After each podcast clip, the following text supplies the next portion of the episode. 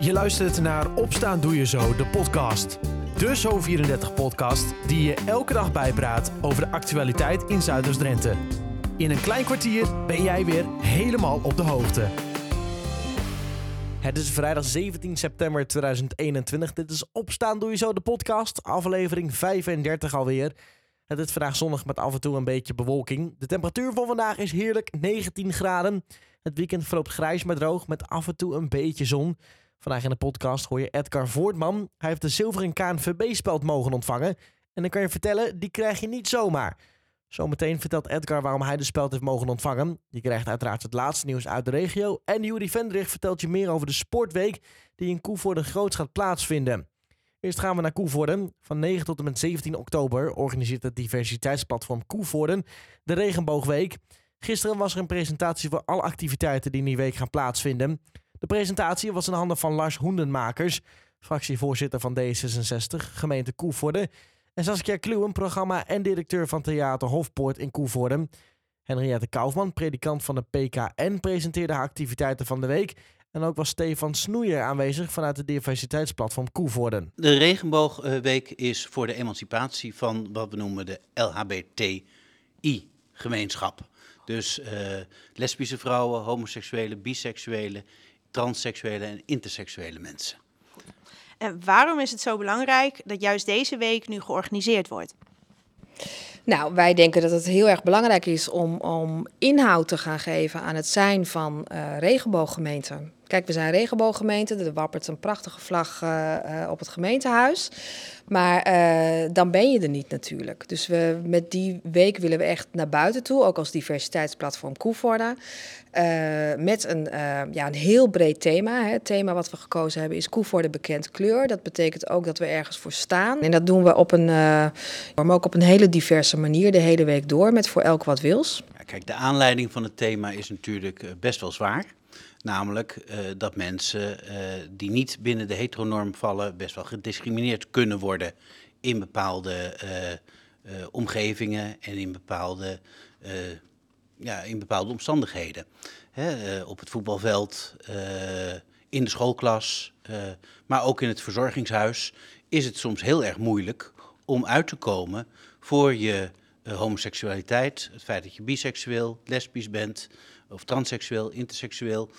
Um, want uh, dan voldoe je niet meer aan een norm die opgelegd is door de meerderheid. En uh, nou ja, je ziet dat mensen best wel gepest worden.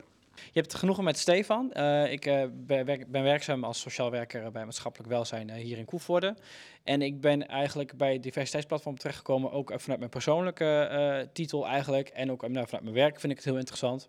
Nou, want jij zit hier ook met je vriend. met mijn vriend Jarno, ja, ja, klopt. Ja. Wordt er ook raar tegen jou gedaan hier in Koevoorde of valt het wel mee? Die ervaring heb ik nog niet zo gehad. Uh, tenminste, niet, niet recht in mijn gezicht in ieder geval. Uh, en ja, ik, bij, uh, ik ben, jij woont hier zelf in Koevoorde en we, zijn, we zijn eigenlijk nog nooit echt raar aangekeken. Tot voor ons gevoel in ieder geval niet. nee. Jullie kunnen gewoon hand in hand lopen als je daar zin in hebt. Nou, dat, dat durf, heel eerlijk gezegd, dat durf ik dan eigenlijk weer niet. Dat is dan wel heel gek, maar dat is weer een, gevoel, een gevoelsdingetje.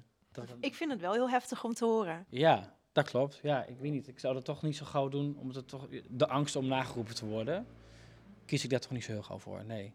Nee. Jeetje. Ja. Stel als je in Amsterdam loopt, zou je het dan wel doen? Makkelijker, ja. Ja, toch wel. Ook omdat je, omdat je daar toch Amsterdam hoor je meer, mag alles, kan alles. En dat is dat gevoel heb ik hier niet zo. Nee. Nee, helaas niet. Dus als ik jou zo hoor, is het wel heel goed dat deze week straks in oktober georganiseerd absoluut, wordt. Absoluut, absoluut. Ja, ik ben ook heel trots dat ik bij de club hier uh, uh, mag zijn en mag meedenken. En uh, ja, zeker weten. Wil je meer weten over de programmering van de Regenboogweek? Kijk dan op hun Facebookpagina Diversiteitsplatform Koevoorde. Of lees het artikel op onze website of in de app terug. Dan blijven we nog eventjes in Koevoorde. Koevoorde is namelijk landelijk een van de drie steden die de NOC-NSF Nationale Sportweek mag gaan hosten. En dat laat de gemeente niet zomaar voorbij gaan. Morgen is er een heus festival actief in Koevoorde. Dat belooft een spektakel te worden. Jury vertelde er vanochtend alles over. Dat wordt zeker een spektakel, ja absoluut. Dat gaat een uh, knallend sport- en beweegfeest uh, worden. Ja, want wat is precies de bedoeling van morgen? Nou, morgen uh, is er van 2 tot 5 op de, eigenlijk in het centrum van Koevoorde, op de markt op de Weeshuisweide, is er een, een, festival van sport en bewegen waar ruim 30 verenigingen en sport- en beweegaanbieders staan. waar je op een hele leuke manier kennis kan maken met al die sporten. En dus eigenlijk op een, een festival manier kennis maken met allemaal leuke sporten. Er zijn demonstraties vanaf het podium. Ehm, je kan meedoen met, met activiteiten. Dus het is voor jong en oud de hele middag lekker in beweging en, en lekker samen sporten. Het is echt inderdaad bedoeld niet alleen voor de jongeren, maar ook, ook volwassenen en ouderen mee te nemen.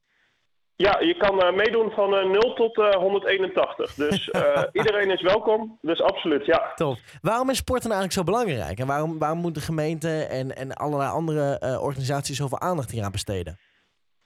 Nou ja, één, het is, het is goed voor je gezondheid. Dat is natuurlijk een heel belangrijk iets. En, en, zowel fysiek als mentaal. Want als je sport kom je vaak andere mensen tegen. En sporten is meedoen. En met meedoen kan je, kan, je, kan je heel veel winnen.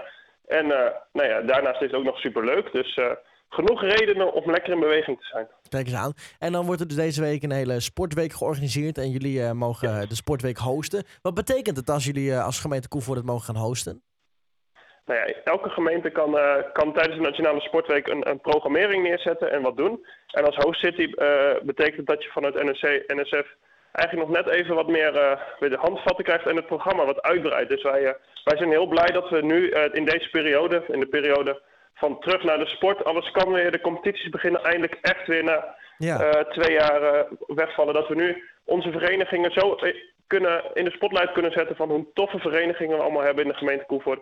En dat we ook echt weer met z'n allen teruggaan naar die sport. En eigenlijk is dit een kickstart van het nieuwe seizoen.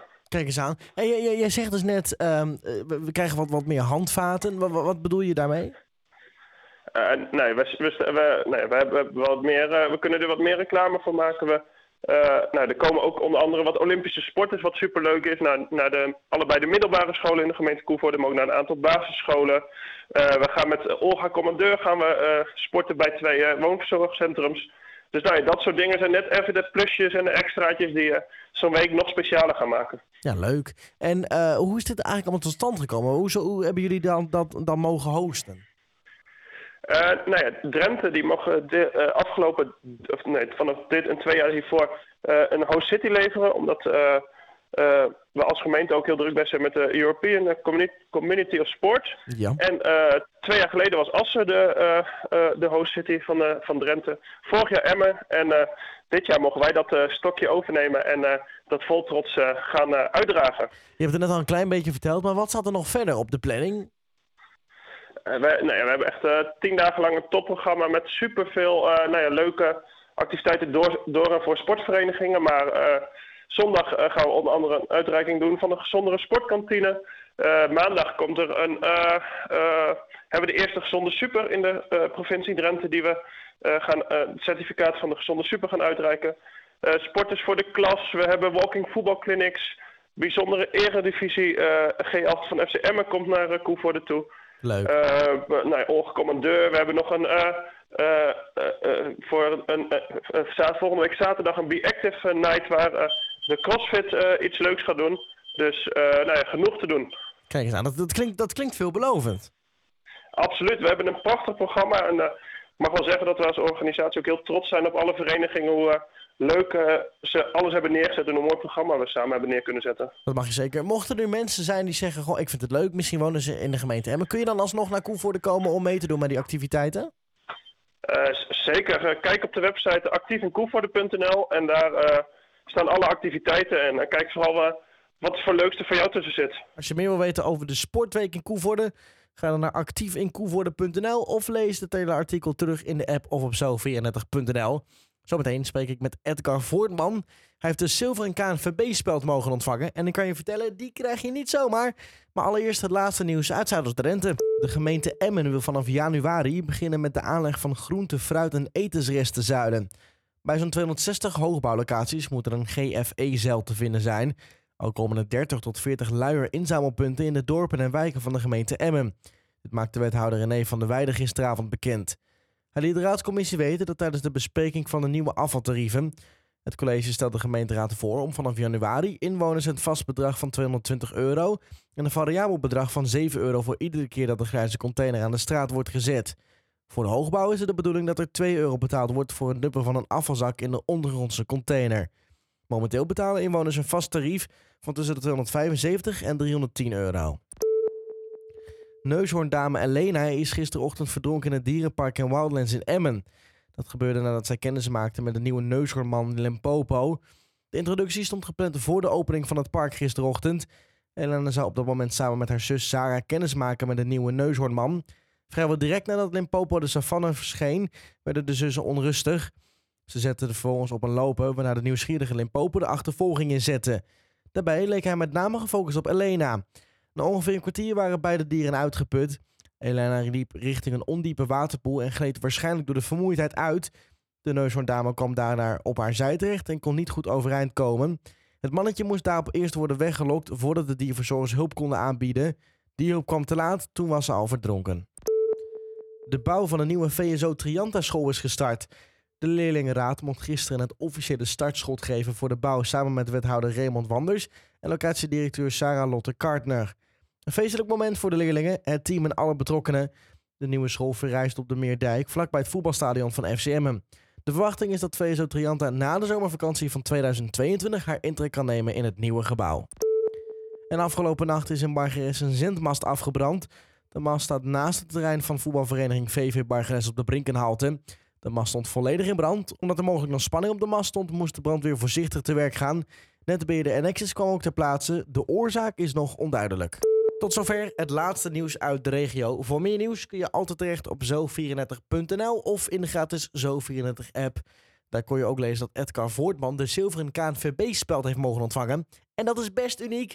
Hij wist dan ook niet dat hij de speld zou krijgen. Nee, ik wist uh, niet uh, dat ik de speld uh, zou krijgen. Dus wat dat betreft was het een blije verrassing. Ja. en een mooie blijk van waardering. Kijk eens aan. Waarvoor heb je hem uiteindelijk gekregen?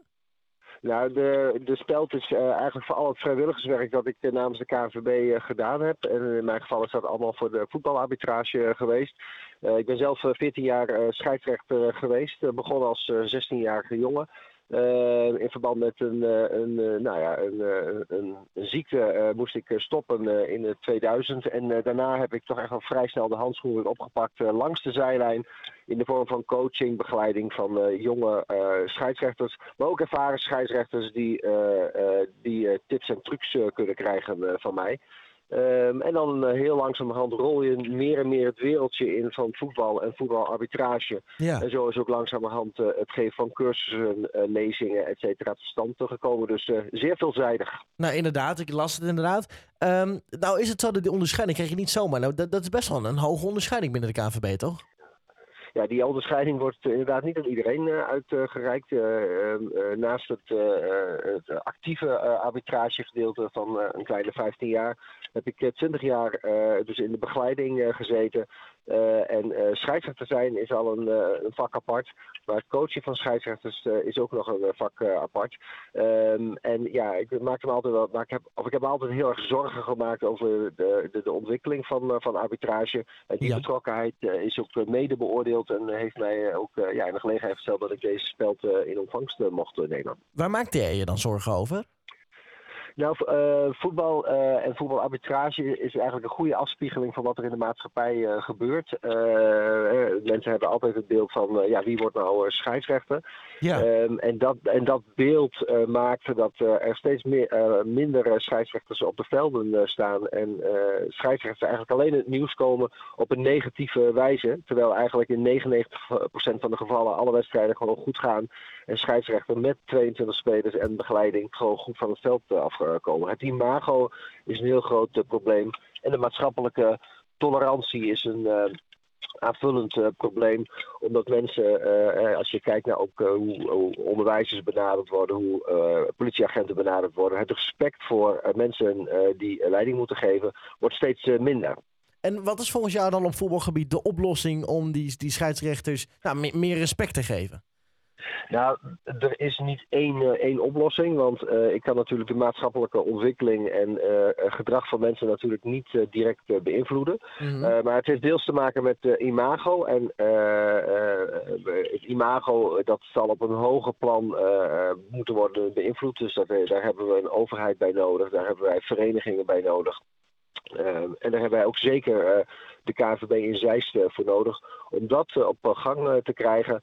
Ehm, en, en dat moet aangevuld worden met eigenlijk een soort zero tolerance. Dat als er iets gebeurt met een scheidsrechter, uh, er ook heel hard en uh, direct ingegrepen uh, moet worden. En dat is op dit moment gewoon nog veel te, veel te slap.